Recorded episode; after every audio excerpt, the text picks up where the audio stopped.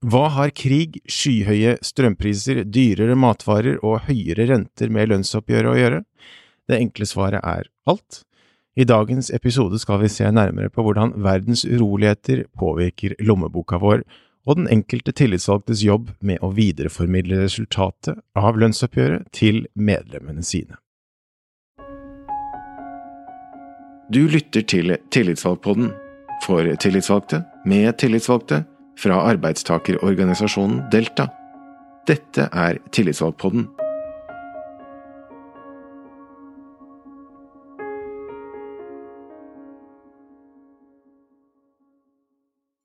Velkommen eh, til Tillitsvalgpodden. Ja, vi lever i usikre tider, men gjør vi ikke alltid det?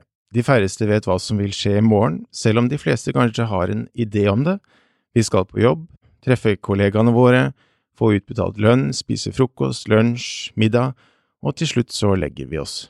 Det vanlige, det vi oppfatter som normalt. Men i år, eller også kanskje de siste to årene, har ikke alt vært så normalt. En årsak akkurat nå er krigen i Ukraina, en annen er pandemien, og konsekvensene så langt er uansett høyere matvarepriser, stadig stigende drivstoffpriser, skyhøye strømpriser og høyere inflasjon. Derfor har vi nettopp hørt sentralbanksjefen si at vi må regne med flere renteøkninger i tiden som eh, kommer. Og så har vi lønnsoppgjøret, som mange håper at vil kunne korrigere noe av usikkerheten med fornyet kjøpekraft og gi en positiv økonomisk utvikling for folk flest. Men er det bankers? Med oss i dagens episode har vi spesialrådgiver Sveinung Berge fra arbeidslivsavdelingen i Delta og Mona Bjørnstad, hovedtillitsvalgt og forhandlingsleder i YS kommune Oslo, også på vegne av eh, Delta. Velkommen til eh, dere begge to. Hei. Hei sann. Hei, hei.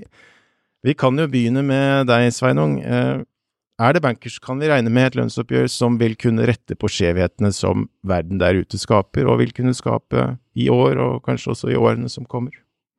Det er vel et enkelt spørsmål å svare på. Det, svaret er jo nei på det. Men vi skal jo prøve å få retta på noen skjevheter, og i hvert fall de vi vet om nå, og, og, som vi ser på kort sikt. Årene som kommer, de, de er ganske ukjent terreng, da, så det, blir, det, er alltid spennende å tenke fremover. Men vi prøver jo å tenke litt fremover også når vi fremmer krav og utformer krav i de forskjellige tariffoppgjørene hva som kommer fremover, hvilke nye oppgaver, hvilke nye utfordringer som finnes innenfor de enkelte avtaleområdene i årene fremover. Det prøver vi. Eh, du sa nei. Hvorfor er svaret nei? Nei, Svaret er nei, for det er så mange ukjente faktorer. Og så er det så mange skjevheter da, som skal rettes opp. Og, og, selv om vi klarer å rette opp noe, så er det alltid noen medlemmer som, eh, som kommer dårligere ut enn de har håpa, og, og, som vi på en måte ikke klarer å gjøre noe for i denne omgangen. Vi klarer, klarer aldri å få til alt på en gang. Og det som også skjer, er at vi skaper jo alltid nye skjevheter òg, som vi ikke har tenkt på. Vi klarer ikke å tenke på alt heller. Huff da. I år så virker det som om alt svever litt sånn i usikkerhetens tegn, eh, spesielt kanskje i år. Er det en ny type usikkerhet, eller er det en usikkerhet du kjenner til fra før, Sveinung? Det er jo alltid usikkerhet og spenning foran lønnsoppgjørene. Og det som alltid er usikkerhet og spenning om, er jo den økonomiske utviklingen som, som, på en måte ligger i bånn for, for, hvor mye man kan kreve. Det er noe med hvor høy lønnsvekst som landet som helhet omtrent kan, kan tåle, og så skal, jo, så skal det fordeles ut igjen. Men det som er den store usikkerheten nå i år, det er jo, som du nevnte innledningsvis, det er jo, det er jo krigen i Ukraina. Og, og hvordan den påvirker oss. Og da er jo en viktig faktor som vi ikke vet noe om, er hvor lenge varer krigen. Og hvis den varer lenge, så blir det dårligere for oss. Da, da går det utover mange økonomiske størrelser, og det går utover, uh, utover rett og slett uh, økonomien både i Europa og, og USA og blant våre handelspartnere. Faktisk mer blant våre handelspartnere enn, enn for Norge, da. Men det er uh, den store usikkerheten. Så um, du kan si det sånn at jo lenger krigen varer, jo, jo verre er det og, og, og for våre handelspartnere. Og man regner vel med da, at en langvarig krig vil føre til at den oppturen som man forventer i Europa, for de har hatt problemer under korona, den kommer ikke i år, men kanskje først neste år, hvis krigen drar ut. Så det, det er lov å håpe på, på, bedre nytt, altså? Ja, det er det jo på alle måter, for, for krigen er et forferdelig um, Det er jo ikke bare økonomi, det er jo menneskeliv som, uh, som går tapt. Så det er jo Ja, det er veldig leit og, og, og trist for det er jo ting som er, finnes ting som er viktigere enn lønnsoppgjøret, faktisk. Faktisk, ja. Mona, som eh, forhandlingsleder og hovedtillitsvalgt, du har selv sagt til meg at hovedansvaret ligger hos deg i lønnsoppgjøret, kan jeg nevne. Eh, hva mener du med det, og hvor sikker, usikker er din verden om dagen? Ja, det er jo som Sveinung sier, at det er jo alltid ei usikker tid før et lønnsoppgjør, og kanskje ekstra usikkert nå òg. Og jeg tenker at viktigheten for oss da, som, som, skal forhandle, er jo å få med kanskje de forventningene som er ute blant medlemmene, og klare å forme det inn i kravet, altså så at det står til forventningene, men samtidig ut ifra situasjonen som vi står i. Eh, og det er en utfordring. Og så tror jeg at veldig mange har levd på ei usikker tid nå gjennom pandemien som har vært. Eh, jeg tror alle har kjent litt på det og ønsker å få tilbake en litt mer normal hverdag. Men det ene tar det andre, og nå er det jo økte utgifter, og som Sveinung var inne på, krigen i Ukraina. Jeg tror den går innpå veldig mange. Jeg tror mange kjenner litt på den usikkerheten og hva det vil medføre, og jeg tror kanskje at vi må belage oss på ei mer usikker framtid nå framover i åra som kommer. At det er noe som Det er en endring som vi må ta inn over oss. Mm. Ja. Jeg vet at uh, dere lytter til innspill fra medlemmer og tillitsvalgte før oppgjøret. Men én ting er å ta med innspill, en annen ting er å formidle resultatet når det foreligger. Hvordan jobber du, Mona, vanligvis med å presentere resultatet av lønnsoppgjøret til dine medlemmer? Ja, nå er vi veldig heldige at vi får god hjelp fra dere på desken i, i Delta. Får med lage innlegg og skrive faktaopplysninger som blir lagt ut på tariffsida. Og så sendes det ut til medlemmene for uravstemming, enten at man eh, godkjenner resultatet eller forkaster det. Og så i tillegg så sender vi ut eh, mailer til våre medlemmer, sånn at eh, alle på en måte får en god forklaring på årets oppgjør. Jeg tror det er viktig å forklare på en god og enkel måte uh, hva det dreier seg om. Uh, og så tror jeg òg, sånn som i år, så er det hovedoppgjør. Og da dreier det seg om mer enn bare lønn og økonomien rundt det. Eh, vi skal forhandle på hele lov- og avtaleverket, alle rettighetene vi har på arbeidsplassen vår. Og det er det kanskje mange som tar litt for gitt, for at det på en måte er der. Men det er noe vi stadig må på en måte forbedre og se på, og få endringer og få i takt med tida som kommer framover. Jeg tror det er like viktig framover å få til gode avtaler. Ja. Eh, hypotetisk, hva, hva skjer hvis det spriker for mye sammenlignet med men nettopp disse innspillene som dere tar eh, da i forhold til eh, resultatet når det foreligger, det, møter du medlemmer og snakker til dem på tomannshånd, eller hvordan, hvordan, foregår det? Ja, det, ofte så kan det være, som du sier, tomannshånd, at folk ringer og spør om ting, og at medlemmene kontakter deg og lurer på ting, og da prøver vi å forklare på en så god måte. Og min opplevelse, i hvert fall hittil, er jo at folk og medlemmer har forståelse for hva, hva, vi forhandler om og hvordan det hele henger sammen. Jeg tror mye ligger i å forklare det. En god forklaring, så, så aksepterer veldig mange resultatet òg. Går det an å si at uh, verden der ute er, kan være skyld i et resultat som eventuelt ikke uh, møter alles forventninger? Hvordan, hvordan er det nå i år, for eksempel? Vanskelig å svare på, eh, både og. Eh, det er jo veldig mye uforutsett som ikke vi på en måte kan vite på forhånd, eh, spesielt i forhold til det økonomiske bildet og alle de faktorene som spiller inn på årets oppgjør. Vi prøver jo å få til at det skal være så forutsett som mulig, men det er jo ikke lett, og, i hvert fall ikke i de tidene som er nå. Nei. Eh, nå har vi jo ikke kommet i mål med noe ennå. Eh, hva er forventningene forventningene der ute til eh, årets oppgjør? Jeg tror at eh, forventningene er store fra medlemmene når det gjelder eh, lønnsøkning.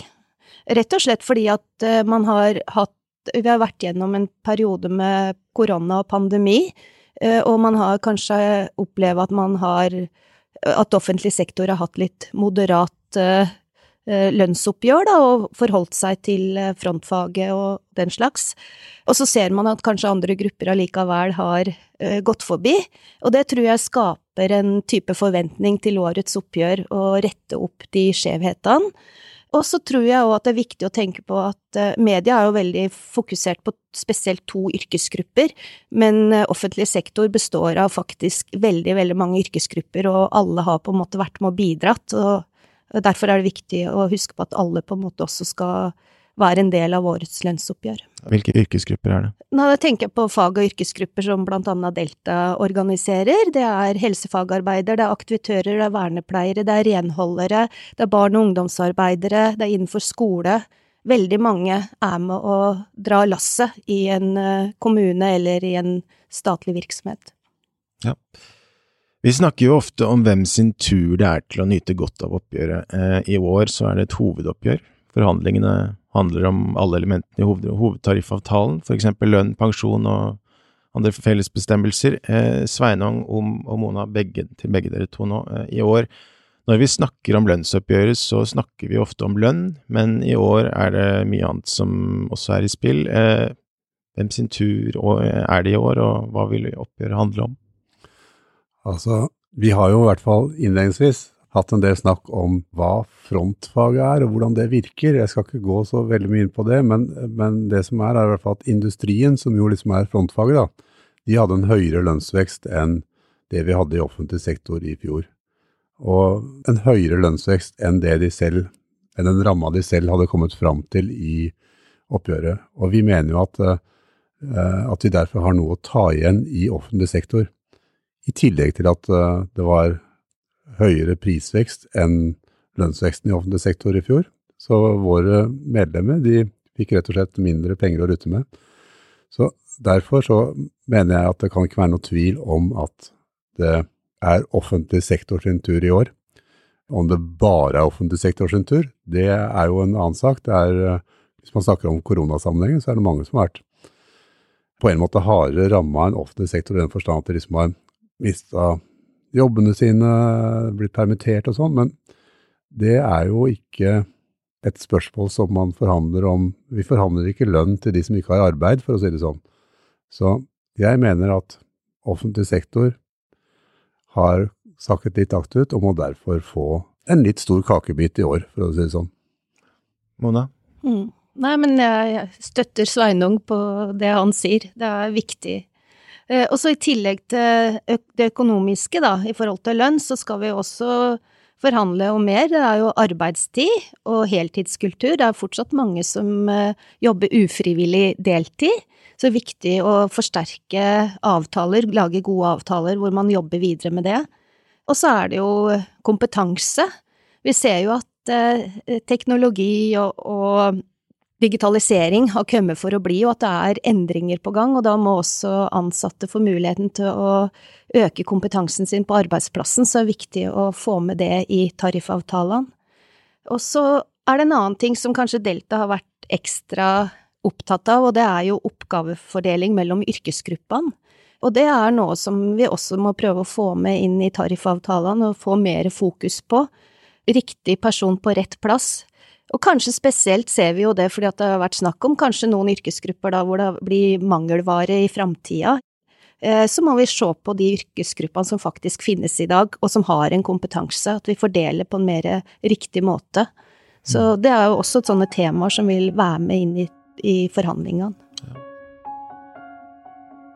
Vil du vite mer om hva det vil si å være tillitsvalgt? Å bli tillitsvalgt kan by på flere muligheter enn du tror. Kontakt oss gjerne på e-post, Facebook eller Instagram. Du finner mer informasjon og inspirasjon på våre nettsider www.delta.no.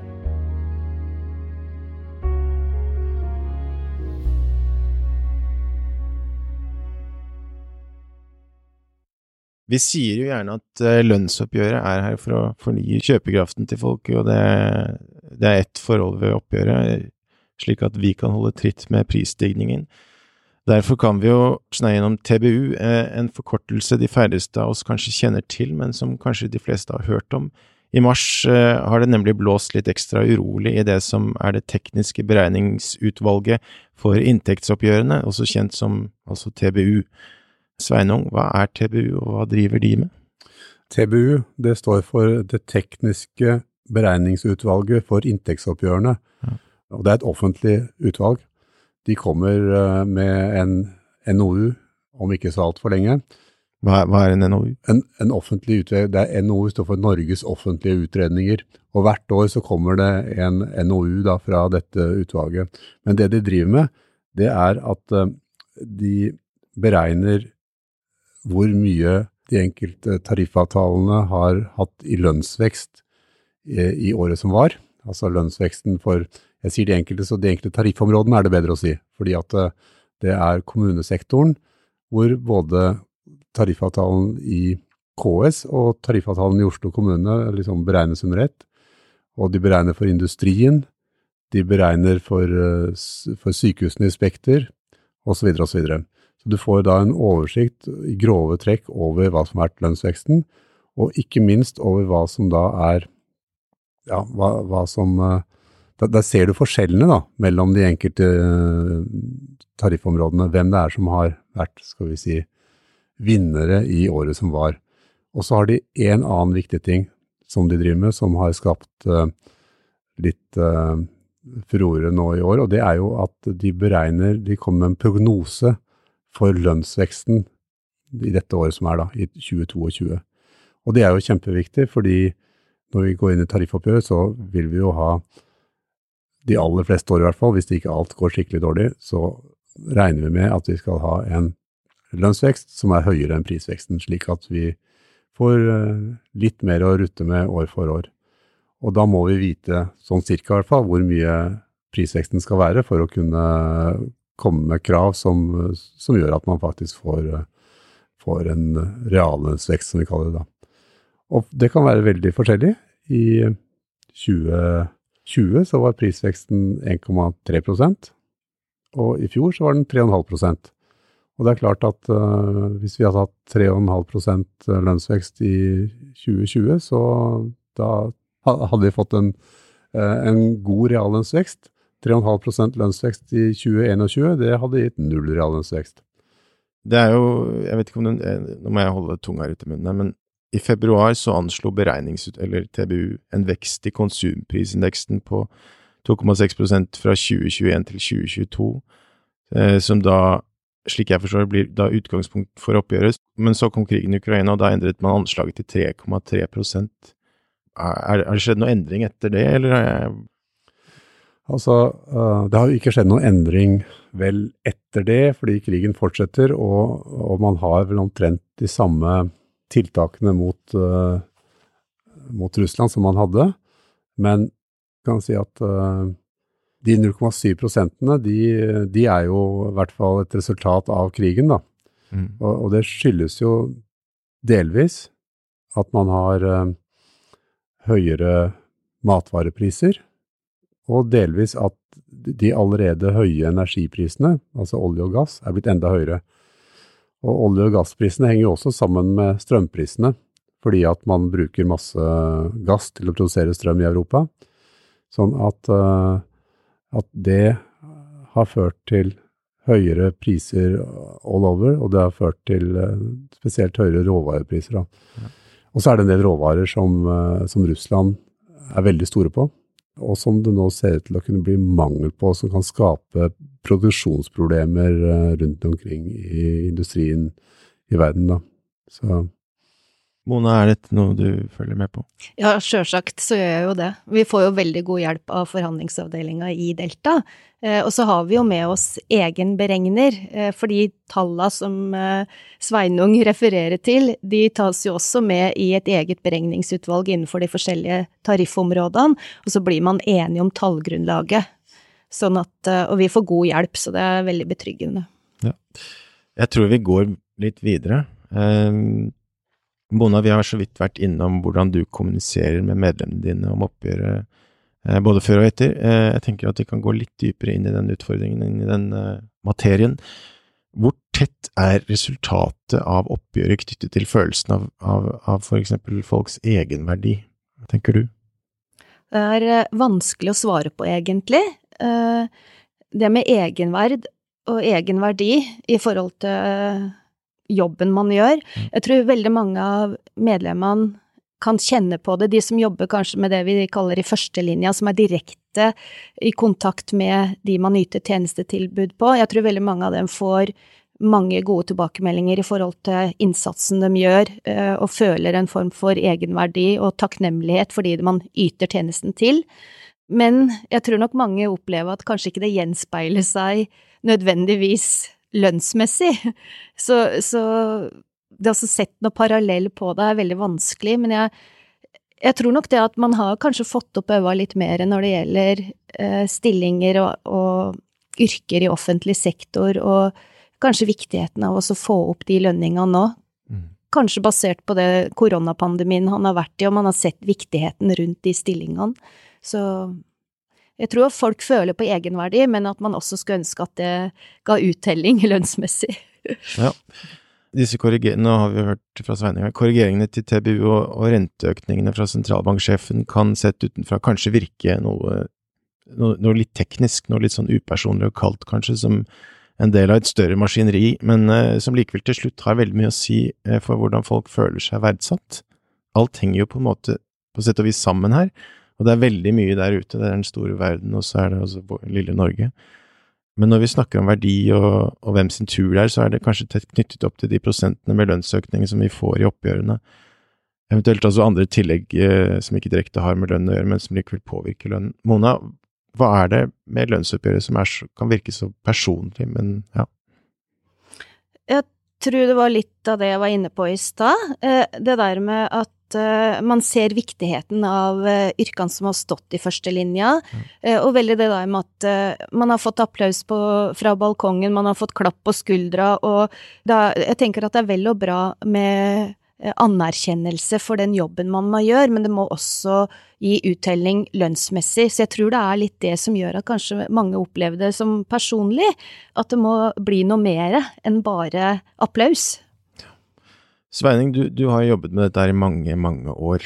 Hva er din opplevelse av, av oppgjøret, sånn sett fra forhandlingsrommet, bakrommet? Eh, eh, hører dere stemmene fra gata der oppe i, i tårnet? Ja, det, det tårnet, ja. vi sitter jo ikke i tårnet akkurat, men ja, vi hører jo det til en viss grad.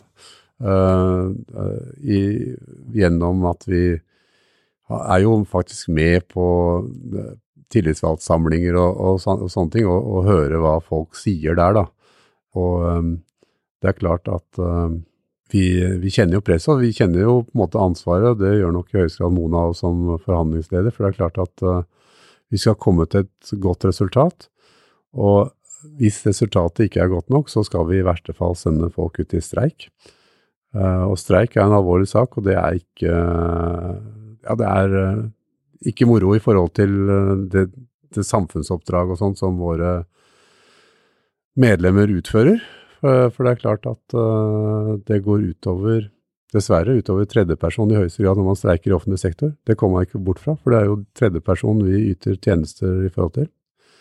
Og vi har jo vært med på å vurdere streik uh, f.eks. på flyplassene rett før sommerferien. Det endte med at vi, vi avbrøt en mekling og utsatte meklinga til etter sommerferien, for vi ville ikke gå i streik på det tidspunktet og, og, og ødelegge ferien for, for, halve Norge, for å si det sånn. Um, så det, det, er mange sånne avveininger som man gjør, altså, for, uh, under oppgjøret og under mekling og sånn. Og vi hører stemmen fra gata, og vi føler presset så det, så det holder, altså innimellom. Men når vi kommer til gode resultater, så er det moro, da. Det skal sies. Ja. Eh, lønn er jo avgjørende for rekruttering, og da er jo også lønnsoppgjørene avgjørende for rekrutteringen. Hva slags signal bør årets oppgjør sende, Mona? Ja, jeg tenker at uh, lønn er jo viktig for rekruttering, men jeg tror òg at, at man må se på at det er òg viktig for å beholde gode ansatte. Eh, så at ikke folk flykter fra offentlige stillinger. Vi trenger på en måte alle bidrag som man har, så det er viktig å både se på det som eh, beholde og rekruttere. Er det noe mm. som har vært et problem de to siste årene, at folk, at folk forlater stillingene sine? Både og, tror jeg. Jeg tror at noen kanskje yrkesgrupper kjenner mer på det enn andre. Men jeg tror at da er vi også inne på det vi har snakka litt om tidligere i dag, at eh, vi må også se på riktig person på rett plass, og bruke yrkesgruppene på riktig måte, da. Eh, sånn at kompetansen man har, at den blir tatt med i vurderinga i forhold til oppgavedeling. Det er kjempeviktig. Vi har jo i denne sendingen vært litt innom uro og usikkerhet. Eh, jeg har et spørsmål til dere begge to her. Eh, hvordan påvirker denne eksterne uroen i verden dere i arbeidet, i jobben? Jeg kan jo begynne, jeg. Det er jo for å si det mildt sagt forstyrrende.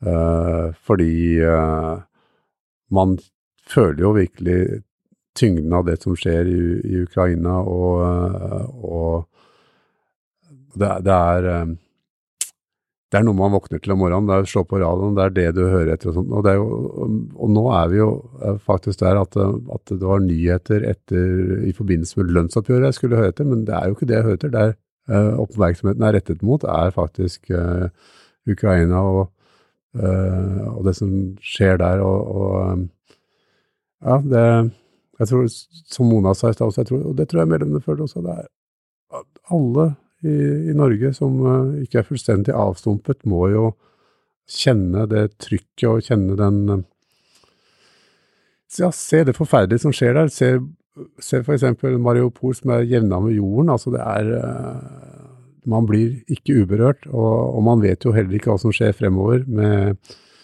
som sier, usikkerheten fremover i forhold til at dette i verste fall kan eskalere og bli, eh, bli enda verre. Man får virkelig håp på at, eh, at, eh, vi nærmer oss en løsning der etter hvert.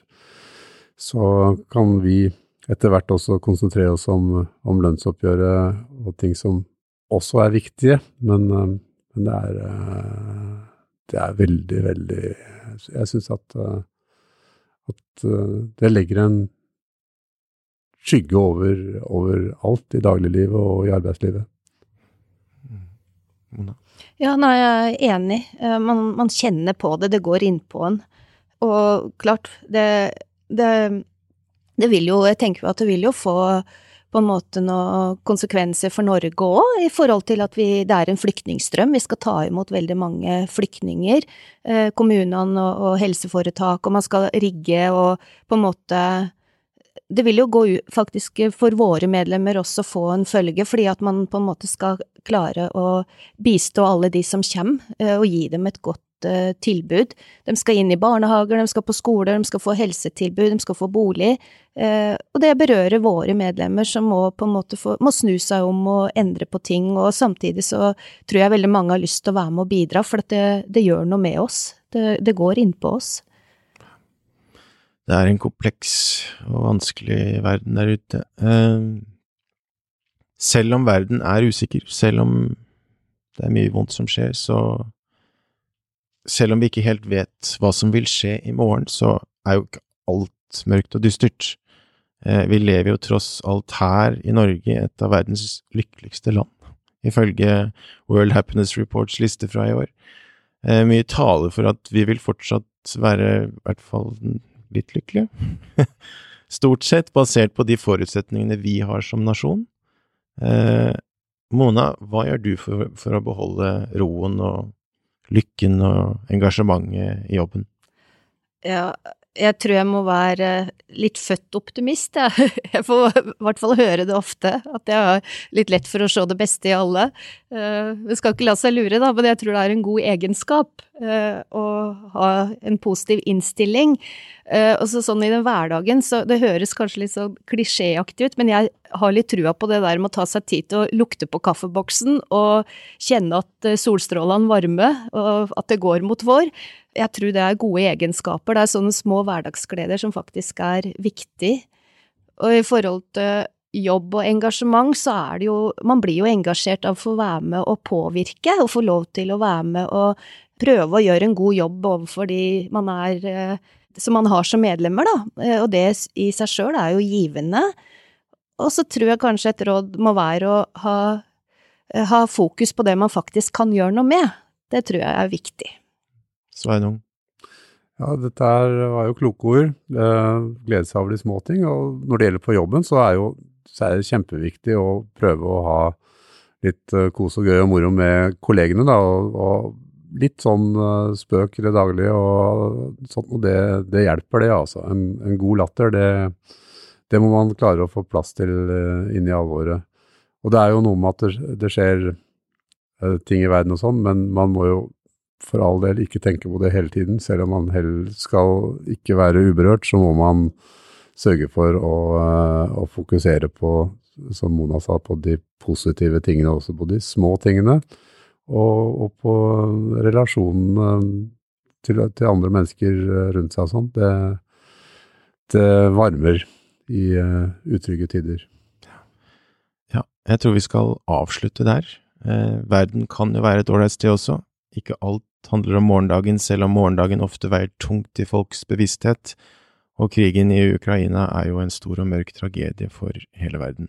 Men det går jo kanskje an å heie litt forsiktig på morgendagen istedenfor å frykte det verste. I hvert fall takk til dagens gjester, eh, hovedtillitsvalgt i Oslo og forhandlingsleder i ISK Oslo, Mona Bjørnstad. Takk. Og til deg, eh, spesialrådgiver i Deltas arbeidslivsavdeling, Sveinung Berger. Jeg heter Martin Müller. Takk for at du hørte på oss i dag. Vi høres forhåpentligvis også neste gang. Yes, det var alt vi hadde denne gang. Takk for at du lyttet til Tillitsvalgpodden. Om du vil vite mer om Delta, så kan du besøke www.delta.no, eller finne oss på sosiale medier. Du finner lenkene i episodebeskrivelsen. Vi høres.